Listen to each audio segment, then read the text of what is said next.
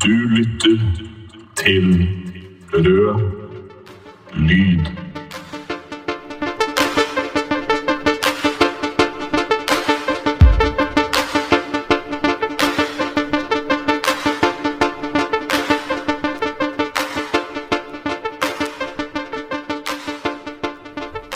Men ja, de starter i feil ende. Yes. Eh, fordi jeg fikk jo da kapittel to, og i, det er litt morsomt, fordi at i den boka som jeg har brukt, det er sånn gammel oktoberforlagutgave, så sto det ikke navn på kapitlene. Så jeg fant ut først i dag at det kapitlet jeg har, heter 'Dialektisk materialisme', så det er det jeg skal snakke om. uh, så det er gøy. Uh, jeg har tenkt litt, for jeg syns det var et ganske fint kapittel. Det er ikke veldig langt, elleve sider eller noe sånt. Men det, det, det, malte liksom et vakkert bilde. Jeg følte at det var med Engels på historiefortellinga hans. Så jeg tenkte bare ta dere også gjennom den samme historiefortellinga. Uh, så det blir en ja, oppsummering, men det er jo å oppsummere vi driver med nå, så det er greit. Um, fordi engelsk starter med å snakke om på en måte helhetsbildet. Fordi at hvis vi ser på naturen eller verden, whatever, så ser vi jo først det store bildet. Vi ser sammenhenger, bevegelse, endring. Men helhetsbildet gir oss ikke grunnlag for å forstå enkelttingene, altså de tingene som utgjør helheten. Og uten å forstå enkelttingene, så kan vi heller ikke forstå helheten. Um, og framskrittene i naturvitenskapen og liksom historieforskninga som man hadde på den tiden som jeg vet ikke hva engelsk levde på, lenge sida, de, framskrittene fikk man jo gjennom å se på enkelttingene. Man delte opp systematisk naturen, historien, trakk dem ut av helheten, undersøkte grundig, for kun gjennom å forstå dem, så kunne man sette dem tilbake helheten opp, skjønne helheten. Og jeg sier helheten så mye, jeg kommer til å bli helt sprø. Det kommer dere til å bli, vær så god. Um, men problemet var at dette fokuset på de oppstykte enkelttingene førte til at både egentlig naturen og historien mista Eller man så ikke lenger på det som hva skal man si, levende i utvikling, sammenhenger. Det ble sett på mer som døde enkelthendelser. Uh, og det smitta over på filosofien, og eh, medførte noe som Engels kaller for et slags en metafysisk tenkemåte, der ting og ideer blir betrakta enkeltvis. Eh, og i dette, den såkalte metafysiske tenkemåten så, så, kan ikke noe Eller da er ting veldig svart eller hvitt. Altså Hvis noe er hvitt, så er det ikke svart, og omvendt. Hvis noe er ja, så er det ikke nei. Enten så fins noe, eller så fins det ikke. Veldig enkelt. Engel sier selv at det her er bare Det er jo sunt folkevett. Og det er det jo. Eh, Fram til en viss grense. Fordi eh, å se på ting såpass oppstykka Det fungerer hvis man ser på enkelte ting. Men ikke på sikt, fordi verden er veldig mye mer komplisert enn bare enkelttingene. Det handler igjen om det derre enkeltting versus helhet. Man er nødt til å klare å se helheten også. Og helheten er mer komplisert enn svart-hvitt. Um, fordi hvis man uh, ser på verden med en utelukkende metafysisk tenkemåte, så blir både historien og naturen osv. Alt det blir bare kaos med enkelttilfeller som bare følger etter hverandre og står alene. Uh, og det blir bare rot. Men det er jo åpenbart ikke sånn på en måte tilfellet er, da. Uh, så kommer et lite engelsk sitat. Fordi ved nærmere granskning finner vi også at de to polene i en motsetning, som positiv og negativ, er like uatskillelige som de står i motsetning til hverandre, og at de trass i all motsatthet gjennomtrenger hverandre gjensidig. Og det er jo litt kanskje eh, vanskelig å forstå, eller jeg syns det er litt rotete setning, men samtidig så forklarer han en del. Fordi eh, historien om naturen og naturen, alt det der er jo prosesser. Det er ikke bare enkeltting som skjer etter hverandre tilfeldig. Det er prosesser med vekselvirkninger der eh, årsak og virkning bytter plass, der ting blir til, der ting slutter å eksistere. Der motsigelser da, leder til kontinuerlig utvikling. Man kan ikke forstå verden gjennom kun å se på enkelttilfeller. Man må se det som en helhet, se sammenhengene. Og der feiler den metafysiske tenkemåten. Uh, og da sier jo Engels at det er kun dialektikken som da kan gi en god og nøyaktig fremstilling av verdens helhet, og utviklingen av den, samt menneskehetens historie og gjenspeilinga eh, eh, av vår utvikling i vårt tankesett. Fordi dialektikken eh, på en måte bygger på en sånn stadig iakttagelse av denne allmenne vekselvirkninga som har gått hele veien. Dialektikken tar rett og slett historien fra kaos til orden. Og dialektikken finner også sin oppgave, som er å finne lovmessighet i denne vekselvirkninga.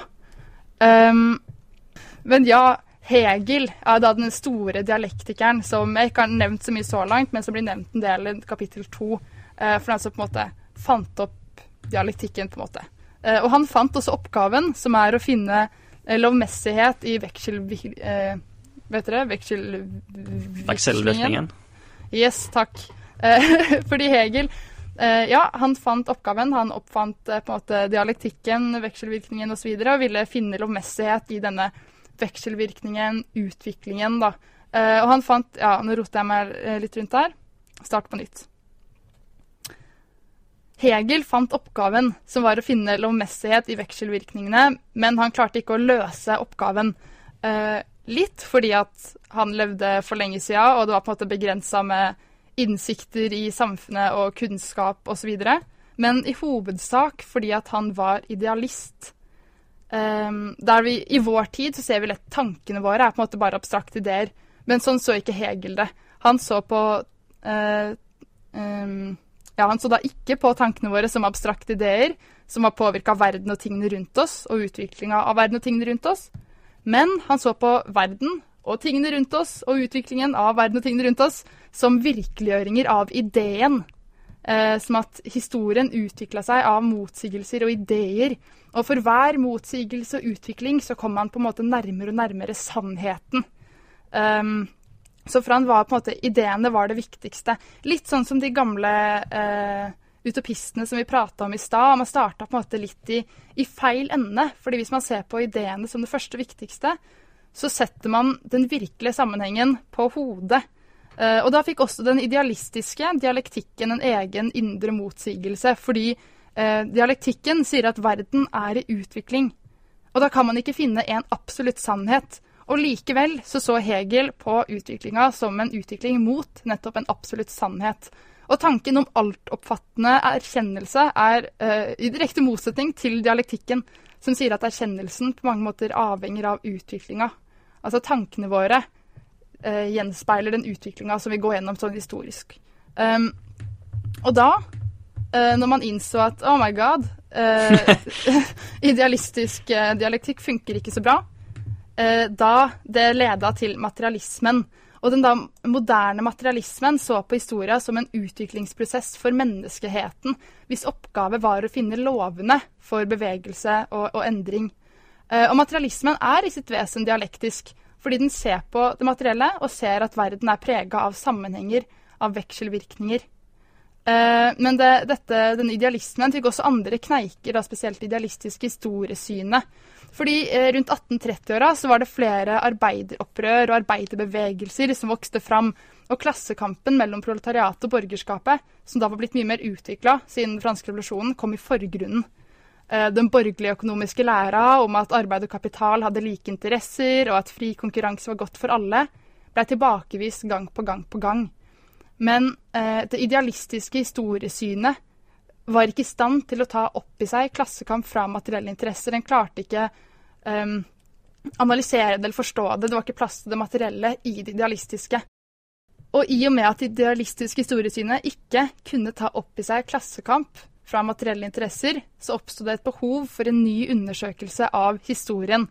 Og eh, sannelig så viste det seg visst at all historie var en historie om klassekamp. Klassekamp mellom klasser frambrakt av produksjons- og samferdselsforhold, altså av økonomien. Og sannelig, økonom den økonomiske strukturen i samfunnet danna visst det virkelige grunnlaget som forklarte overbygningen av rettslige og politiske institusjoner og religiøse, filosofiske forestillinger. Hegel befridde historieopplysningen fra det metafysiske tankesettet, det tankesettet der historien ikke ble sett på som ut en utviklingsprosess. Og han klarte å se historien som en utviklingsprosess, men han hadde jo selv et idealistisk historiesyn Um, men nå ble også idealismen fjerna, og man satt igjen med en materialistisk historieoppfatning som forklarte menneskelig bevissthet ut fra vår egen eksistens, istedenfor synet om menneskelig eksistens ut fra vår egen bevissthet. Um, og med det så utvikla også sosialismen seg fra å være en sånn tilfeldig, men veldig heldig oppdagelse eh, til å bli et nødvendig resultat av klassekamp Sosialismens oppgave ble å undersøke utviklinga til klassene, se hvor de kom fra, og å finne midlene til å løse konflikten eller klassekampen. da. Eh, fordi så langt hadde sosialismen vært mangelfull. Den hadde vært uh, utopisk, starta i feil ende. Og den hadde kritisert kapitalismen uten egentlig å kunne forklare den. Um, de kunne ikke påvise hva utbyttinga besto av, hvordan den oppsto. De kunne bare si at, at det var dårlig. Um, så det som måtte gjøres, og det som ble gjort, var å framstille den kapitalistiske produksjonen i en historisk sammenheng. De måtte vise at den var nødvendig, og at også det måtte ta slutt. Og så måtte de blottlegge kapitalismens skjulte indre egenart, um, som viste seg å være merverdien. Og nå har jeg tenkt til å lese opp litt fra boka. Uh, yes, da har jeg tenkt å sitere Engels litt, fordi han sier det bedre enn meg. Uh, fordi det blei bevist at å tilegne seg ubetalt arbeid er grunnlaget for den kapitalistiske produksjonsmåten, og for den utbyttinga av arbeiderne som dermed skjer. At kapitalisten likevel trekker mer verdi ut av arbeidskrafta til arbeiderne sine enn det han har betalt for den, sjøl om han har kjøpt den til den fulle verdien den har som vare på varemarkedet, og at denne merverdien i siste omgang utgjør den verdisummen som hoper seg opp i hendene på eierklassen som en stadig voksende kapitalmasse. Det var forklart hvordan både den kapitalistiske produksjonen og produksjonen av kapital gikk for seg. Um, og disse to store oppdagelsene, den materialistiske historieoppfatninga og avdekkinga av hemmeligheten ved den kapitalistiske produksjonen ved hjelp av merverdi, har vi Marx å takke for. Uh, og det er også engelsk sitat. Det er veldig gøy, fordi i boka mi så står det Marx i kursiv. Så det, sånn, så det har vi Marx å takke for. Uh, men det er jo helt sant. Uh, fordi det, det, var den materialistiske historieoppfatninga og avdekkinga av merverdi som, hva skal man si, rensket sosialismen litt for sånn tidligere utopiske forsøk og eh, dårlig kritikk av kapitalismen. Eh, og ifølge Engels så er det da først når vi fikk den materialistiske historieoppfatninga og avdekkinga av merverdi, at sosialismen ble en vitenskap uh, som vi kunne um, ta i bruk og utarbeide videre. Uff. Ja. Oh yes. Um, uh, en ting jeg merker meg, da, er at uh, når Engels forklarer dialektisk materialisme, så skiller han det ikke fra historisk materialisme. Uh, sånn det fremstår for meg, så er dialektisk materialisme en slags kombinasjon av et materialistisk utgangspunkt, materien kommer først, med dialektikken, da, og se på hvordan motsigelser påvirker hverandre. Men Engels har liksom ikke utviklet dialektisk materialisme som et filosofisk system som kan skilles tydelig fra historisk materialisme. Uh, det mener jeg kanskje en sånn seinere utvikling, da. Uh, spesielt uh, etter Lenin og sånt. At man, at man, skiller historisk materialisme fra dialektisk materialisme. Og det er kanskje interessant å se nærmere på. Ja. Men kanskje ikke i dag. det er det kanskje. Nei da. Men jeg tror, jeg tror du har helt rett i at, at for engelsk virker det som at idet de på en måte fjerner eh, idealismen fra dialektikken, det er altså ren materialistisk eh, dialektikk, så mm. går det naturlig over i mm. et materialistisk historiesyn. Men samtidig så er det noe kanskje jeg ikke fikk fram så tydelig at han skiller jo litt, fordi han snakker først om idealistisk eh, dialektikk, og senere om idealistisk historiesyn. Men jeg tror han ser på de som veldig, som veldig like at uh, man ikke egentlig kan skille fra hverandre. Fordi det er jo, Når han snakker om dialektikken og hvor bra det var at man fikk dialektikken i stedet for det uh, metafysiske tankesett, eller hva det var, så uh, er hun jo sånn Yes, fordi da med dialektikken endelig så blei historien en utvikling, mm. og ikke bare enkeltting. at det blei en prosess som var liksom flytende og med sammenhenger mm. og vekselvirkninger osv. Jeg tror også tror... litt av grunnen til at han ikke Nei, utdyper dialektisk materialisme som et filosofisk system, er at uh, han skulle kanskje gjøre det seinere. Som du sa i sted, Brage, så skrev han i den boken om eller artikkel eller hva det var, om naturdialektikken. Mm. Hvor han prøver å anvende dialektisk materialisme på, på naturvitenskapen. Um, men han har liksom ikke hatt tid til å gjøre det ennå, da. Og så var jo dialektisk materialisme et helt nytt filosofisk ståsted. Så det å isolere det fra den historiske materialismen måtte jo nødvendigvis ta tid. Ja. Det kan jo også egentlig rett og slett hende at Engels også ikke tenkte det var så viktig. At det viktigste det er den vitenskapelige kjernen i marxismen, merverdien og den historiske materialismen. og så får filosofien være noe vi utarbeider litt sånn seinere. Ja.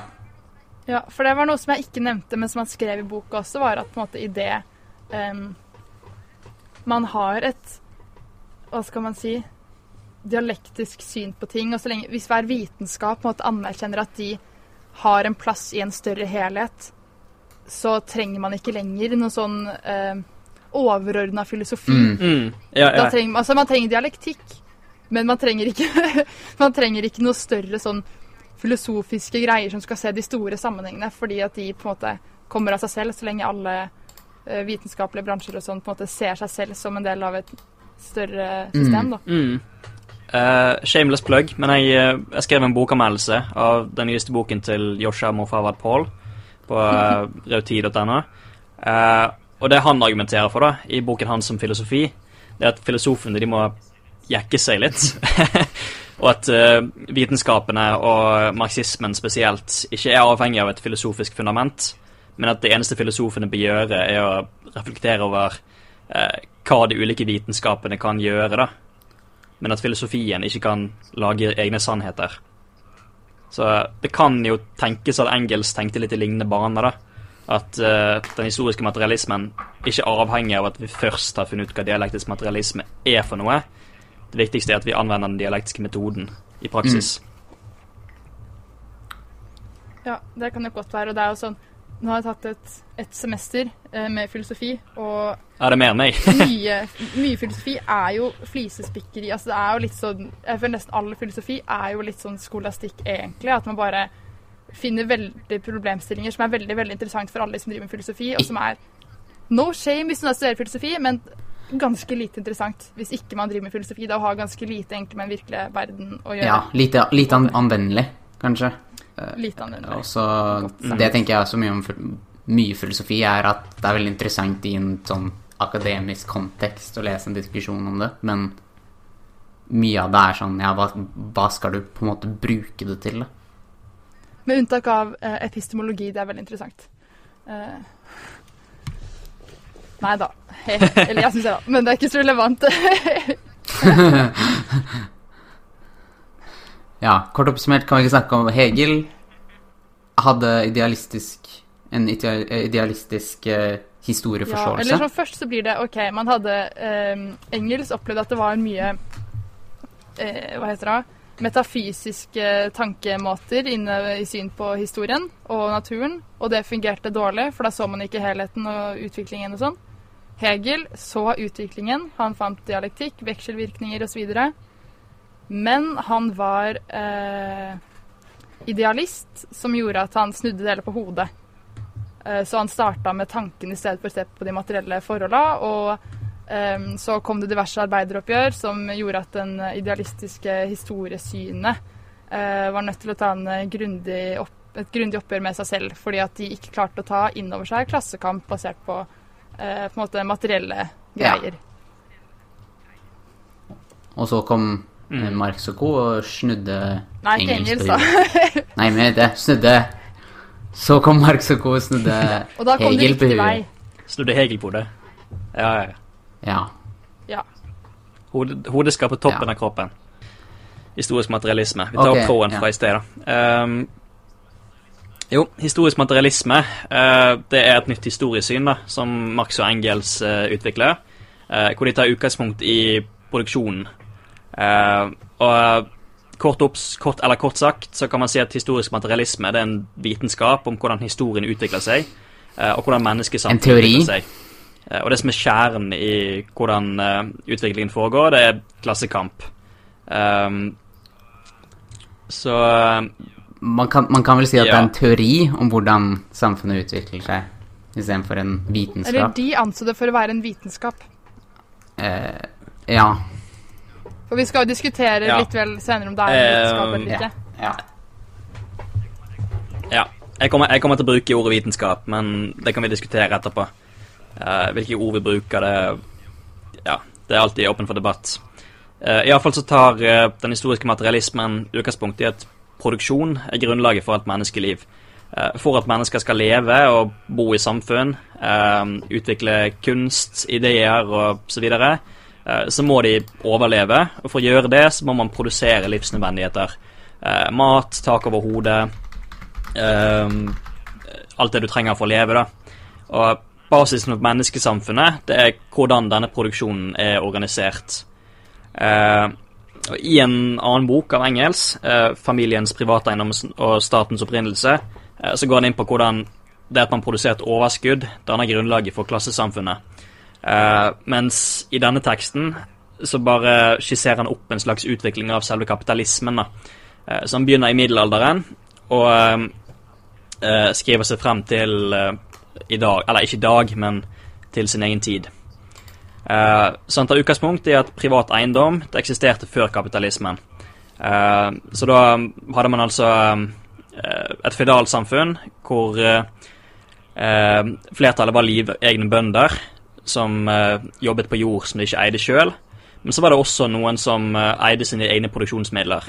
Eh, håndverkere eh, Ja, håndverkere og sjøleiende bønder, da. Eh, og eh, normen da var at hvis du eide dine produksjonsmidler, så var det også du som brukte de, og laget produktene som du selger, da. Så produksjonen var privat, og tilegnelsen var også privat. Eh, Så det, det er liksom grunnlaget for privat eiendom. da. Men når kapitalismen utvikler seg i moderne tid, eh, så slutter det å være sånn at eh, den som eier, også er den som produserer. Så de første kapitalistene de produserte ikke for å dekke egne behov, sånn som man gjør i naturalhusholdningen, men for profitt. Så for å produsere et overskudd så måtte arbeidet til andre være involvert. Og sånn oppstår de første lønnsarbeiderne. Og eh, når man da har en klasse som eier produksjonsmidler, men har andre som bruker de til å lage produkter, da, da sier Engels at produksjonen har blitt samfunnsmessig, mens tilegnelsen er blitt privat. Um, og det er den grunnleggende motsigelsen i det kapitalistiske samfunnet. Um, og det som gjorde denne arbeidsdelingen mulig, det var uh, først manufaktursystemet. Eh, manufaktursystemet det gjør slutt på det at én produsent eier sine produksjonsmidler og lager et ferdig produkt fra start til slutt. Før så var det sånn at en skomaker eide utstyret sitt og lagde hele skoen. Uh, mens i manufaktursystemet så er det én som produserer sålen, en som limer på skinnet til sålen, en som syr osv. Jeg aner ikke hvordan man lager sko, eh, og det kommer sikkert frem. Poenget er iallfall at i den enkelte sjappen, på den enkelte arbeidsplassen, så har man arbeidsdeling mellom forskjellige folk. Og så på 1700-tallet så får man moderne industri. Eh, dampmaskin blir oppfunnet, en hel del nye oppfinnelser kommer til, som blir anvendt i produksjon. Og da blir arbeidsdelingen enda mer avansert. Eh, Så det arbeiderne til slutt eh, gjør, det er å eh, være vedheng til en maskin. da. Eh, De bare gjør en helt begrenset maskinoperasjon eh, og produserer ikke et helt arbeidsprodukt, altså en hel, en hel vare. Um, ja. Går jeg for fort fram, eller? Uh, så Engels da, han hevder at i kapitalismen så er den grunnleggende motsigelsen uh, motsigelse mellom sosial produksjon og privat tildelelse. Uh, det vil si at når man lager et produkt, så er det mange personer involvert. En bil, f.eks., da må noen lage gummien til dekket, noen må lage dekket, noen må lage akselen, noen må lage dørene, mange andre ting som en bil er bygget opp av. Det er ingen som lager hele bilen, da, men eh, mange arbeidere i flere fabrikker på flere deler av verden er involvert i å produsere bare én bil. Uh, mens det er den private eieren av bilfabrikken som uh, får profitten, da. Altså har man privat tilegning. Og bare for å gjenta grunnen til at det er sånn Det stammer fra middelalderen, da håndverkeren eide sine produksjonsmidler og lagde hele produktet. Og så bare sluttet aldri den eiendomsformen å eksistere, da, sjøl etter at man gikk over til samfunnsmessig produksjon. Eh, og det har blitt en grunnleggende motsigelse i kapitalismen. Eh, og om jeg leser engelsk rett, så er alle de andre motsigelsene i kapitalismen avledet av denne. Eh, og den viktigste av disse avledede motsigelsene er motsigelsen mellom arbeid og kapital. Altså mellom den klassen som eier produksjonsmidler, og, og den klassen som ikke eier produksjonsmidler, men selger arbeidskraften sin. Eh, altså arbeiderklassen. Og så har man flere andre motsigelser som er litt mindre viktige. F.eks. motsigelse mellom kapitalist og forbruker. Eh, kapitalisten vil jo ha en umiddelbar tendens av å selge eh, varer til høy pris, mens forbrukeren vil kjøpe til lavest mulig pris. Men siden forbrukeren som oftest også er en arbeider, så er denne motsigelsen litt sånn sekundær, da. Men fordi kapitalismen skaper, eller har innebygde motsigelser, så danner den grunnlaget for sin egen undergang. I hovedsak så er dette fordi at kapitalismen har skapt den moderne arbeiderklassen. Eh, den arbeiderklassen er konsentrert på store arbeidsplasser. Eh, den eier ingenting, bortsett fra sin egen arbeidskraft, og den er i stand til å holde tilbake igjen arbeidskraften sin. Eh, I, på en organisert måte, da. Det vi kjenner som streiker. Det, det, er egentlig når du holder tilbake igjen arbeidskraften din. Og da får jo ikke um, borgerskapet realisert merverdi midlertidig. Så da stopper hele systemet opp. Hvis mange nok gjør det. Um, en annen ting er at kapitalismen går med jevne mellomrom inn i overproduksjonskriser. Eh, grunnen til at han gjør det, er at kapitalistene de konkurrerer med hverandre, og hver og en av de er avhengig av størst mulig profitt. Eh, hele tiden mer profitt, sånn at de ikke eh, ligger etter i konkurransen med de andre kapitalistene og går konkurs. Eh, men når flere kapitalister produserer samme vare, så blir det laget et overflod av den varen. Uh, og En stund så går det fint, men til slutt så vil jo ikke forbrukerne være i stand til å kjøpe alle varene. Det blir produsert flere varer enn det er behov for. Uh, og når varene ikke blir kjøpt, så får ikke kapitalisten realisert sin profitt, og må dermed stanse produksjonen. Uh, og da blir det plutselig mangel, og krisen er et faktum. så det her minner jo om det Charles Fourier sa, da, om at overfloden, eller Hva var det han sa? overfloden i det moderne samfunnet er kilden til fattigdommen? Eller noe sånt? Ja. Under sivilisasjonen er fattigdom, eh, fattigdom, resultat av selve overfloden. Mm. Og eh, det kan man jo se reflektert i disse overproduksjonskrisene, da. Hvor problemet er at det har blitt produsert for mange varer. Eh, mer enn det er behov for, og mer enn forbrukerne kan kjøpe. Eh, så må produksjonen legges ned fordi at eh, Eh, kapitalisten får ikke realisert profitten fordi varene blir ikke solgt eh, eller kjøpt. Um, og så blir det krise, og uh, det blir varemangel. Og det går i sånne sykluser på ja, la oss si syv til tolv år. Det mest kjente er jo kanskje det store børskaket i 1929, som i grunnen var en overproduksjonskrise, uh, men tok form av en finanskrise. Men det er jo også uh, 2008, For det var en over ja, det gjelder 2008 også. overproduksjon av hus på en måte, og de hadde ikke nok mm. mennesker som kunne De produserte for mye hus for Om jeg Ja, Men de ga ut for mange lån, var det vel? Det òg. Men husbobla altså, sånn, Banken hadde ikke noe krav på utbetaling av lån, og så ble det en del krise, og så begynte de å spekulere liksom, lån og selge sånne svære pakker med masse, masse eh, verdipapirer inni seg, og så var det bare et fullstendig ros. Sånn finanskapitalen og liksom finansmarkedet, holdt jeg på å si, er vel bare um, hva skal man si, nærmest dagens mm. bilde på overproduksjonskrise. Mm. Uh, fordi det blir finansbobler, og det er bare tatt helt til det ekstreme. det viser jo virkelig hvor lite kapitalismen fungerer, når liksom mange hundre tusen mennesker blir arbeidsledige fordi mm. noen rike folk har spekulert i papirer. Disse motsigelsene er alvorlige. Kapitalismen kan ikke fungere i all evighet. Eh, kapitalismen har produsert sine egne banemenn, altså den moderne arbeiderklassen. Og eh, den løsningen Engels skisserer opp, er den sosialistiske revolusjonen. Eh, så for å løse motsigelsen i kapitalismen, så må arbeiderklassen ta statsmakten.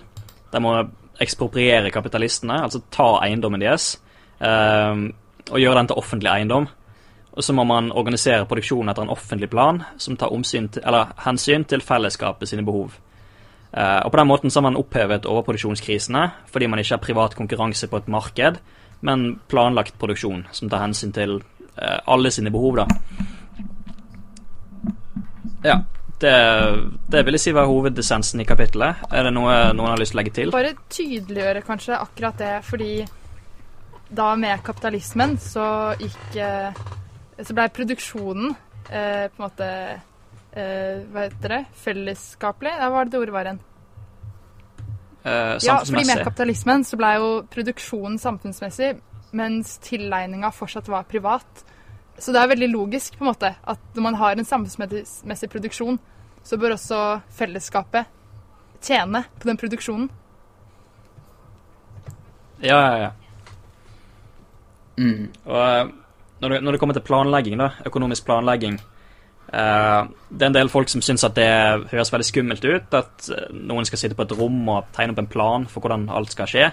Eh, ikke at det er det planøkonomi er, da, men økonomisk planlegging skjer jo hele tiden. Bare at det skjer på lukkede styrerom. Det skjer på kontoret til Statoil, eller Equinor som det heter nå. Uh, styrerommet til Telenor, uh, Rema.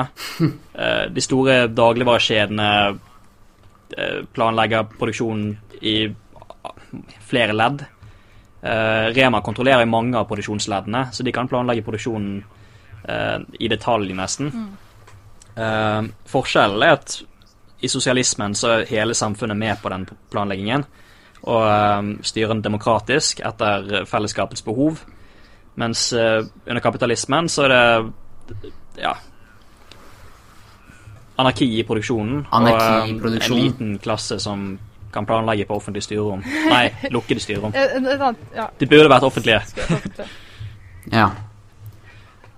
Og, og det poenget med at økonomisk planlegging eksisterer allerede nå, eh, men ikke på et samfunnsmessig basis, er et også et viktig punkt for at økonomisk planlegging i seg selv er ikke nødvendigvis ikke-kapitalistisk. Du må um, Du må ha en uh, proletarisk stat, da.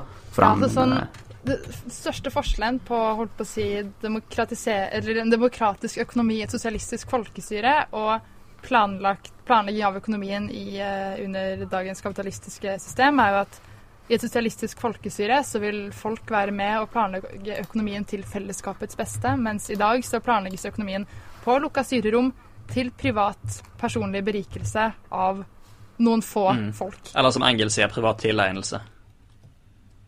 Privat Men det er jo det samme. Og det er jo også det med eh, samarbeid som er det er en mangel på da, i, når det er masse private bedrifter som konkurrerer med hverandre. Ja, altså sånn, kapitalismen har jo Jeg har mange problemer med kapitalismen, da. Det skal sies. Det er bra du sier. En lang liste hvis jeg skal gå gjennom alle dem. Uh, og så er det mange som liker å, å si da at kapitalismen er så på en måte demokratisk fordi alle har muligheten til å starte en bedrift og bli med osv. Men, men det er jo ikke realiteten, fordi all den tid kapitalismen er preget av profittjag, og at det er om å gjøre å være først ut, produsere mest og tjene mest, så blir det bare enorme Så opplever man bare svær monopolisering, der det faktisk blir Altså hvis du vil starte en kafé, eller et lite kaffehus, kaffesjappe, eh, under kapitalismen, så er dette mer eller mindre umulig. Fordi eh, du har Espresso House og Starbucks som regjerer, basically. Mens i, under sosialismen, du har lyst til å ha et lite kaffehus, så sender du kanskje innkaller til et eh, fellesmøte i eh, bydelen din og er sånn Hei, hei, har dere lyst til å være med og ha et lite kaffehus? Og de er sånn Ja, det høres hyggelig ut. Og så mekker man det. Ja, eller det trenger vi ikke her, for dette ligger en over gaten. Ja, ikke sant? Og så er det sånn Å ja, men da kan vi forbedre den som ligger over gaten. Eller sånn. Jeg har lyst til å være med på det. Så det er noe helt annet, da. Men eh, hva med konkurranse, da? Som sikrer at vi får de beste produktene. Hva hvis den kafeen over gaten ikke serverer pumpkin spice latte? Da har vi et folkemøte der folket krever pumpkin spice latte på kafeen over gata. Det er min mening. Det skal også sies at det er Enig. ehm, At i et framtidig samfunn vil man ikke nødvendigvis ha alle de valgene man har nå, um, på grunn av vi må eh, bevege oss mot et mer bærekraftig samfunn. Og at det vil si at vi ikke kan ha avokado hver dag hvis ikke det er fra nødvendigvis nærområder eh, eller lignende. Og da kan man ikke ha avokado latte hvis det er virkelig det man ønsker. Eller avokado reo. Yes, Men kan jeg skyte noen tanker? Ja. Veldig kjapt, bare rundt spørsmålet er marxismen en vitenskap, for det er noe som går gjennom her. For det handler om sosialisme fra utopi til vitenskap osv. Um, fordi personlig så har jeg alltid hatt litt iffy følelse rundt å, å kalle det liksom vitenskapelig sosialisme og at marxisten er vitenskapelig osv. Uh, og det Fordi åpenbart så tar man jo vitenskapelige metoder i bruk. Man går systematisk til verk. Eh, altså Økonomi er på mange måter en vitenskap. Marxismen er jo på mange måter analyse av økonomi og kapitalisme osv. Så, videre. så sånn sett så er det vitenskapelig.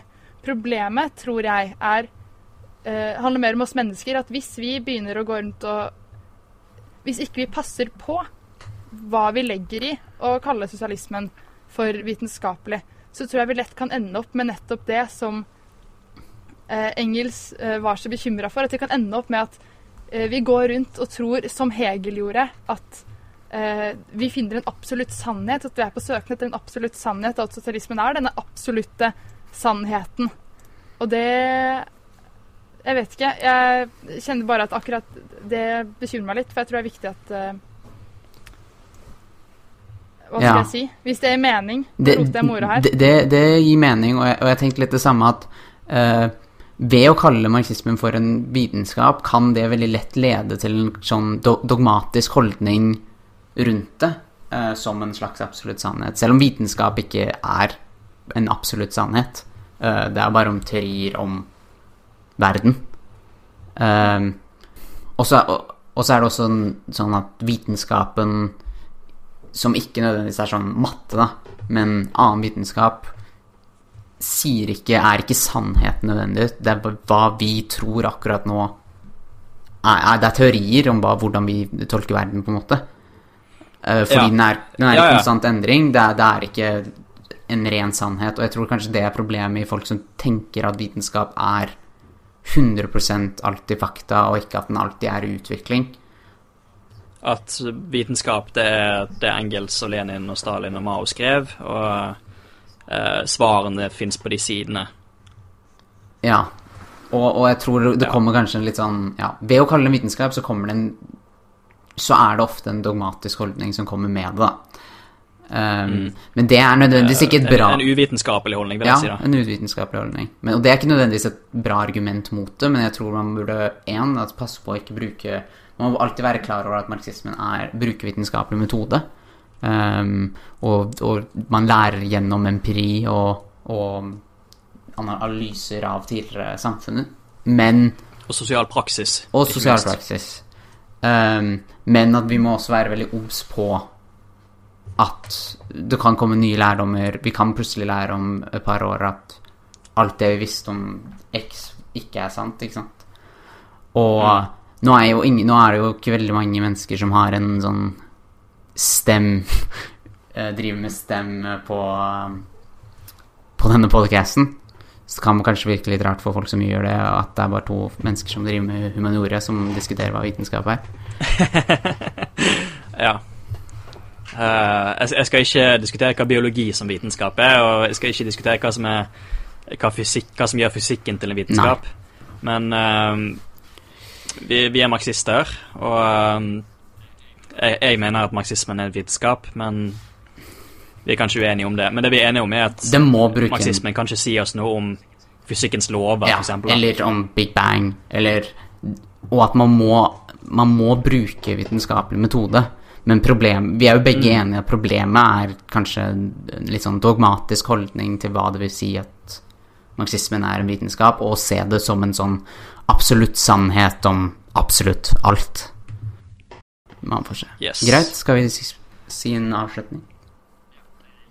Takk for meg. Jeg håper det var i hvert fall litt grann lærerikt. Og ja, det er vel det. Anbefaler å lese boka. Den er veldig kort, og det er veldig digg. Så hvis man setter seg inn i det, så får man en god lesning. Eh, vi avslutta episoden for den gang. Vi hadde en god diskusjon, men eh, vi opplevde at det var veldig mye mer vi kunne ha diskutert, som kanskje kan bli materiale for seinere episoder. Eh, jeg vil bare si til de som lytter, at hvis du ikke har gjort det før, så kan du ta og sjekke ut vår side på Patrion. Patrion er en service hvor du kan donere et valgfritt beløp til Rautid. så- og hjelpe oss med å drive podkasten videre. Da. Eh, det er ikke gratis å lage podkast eller drive nettside. Eh, og de eneste midlene vi har, det er midler som folk gir til oss. Eh, det er selvfølgelig 100% frivillig. Alt innholdet vårt er gratis, og eh, folk bidrar eh, etter evne. Men eh, hvis du har en ekstra slant, så setter vi pris på om eh, du gir et frivillig bidrag. Og så husk å følge oss på Facebook, Twitter, Instagram. og lese på rautid.no. Yes. Vi snakkes eh, neste gang. Hei da. Ok.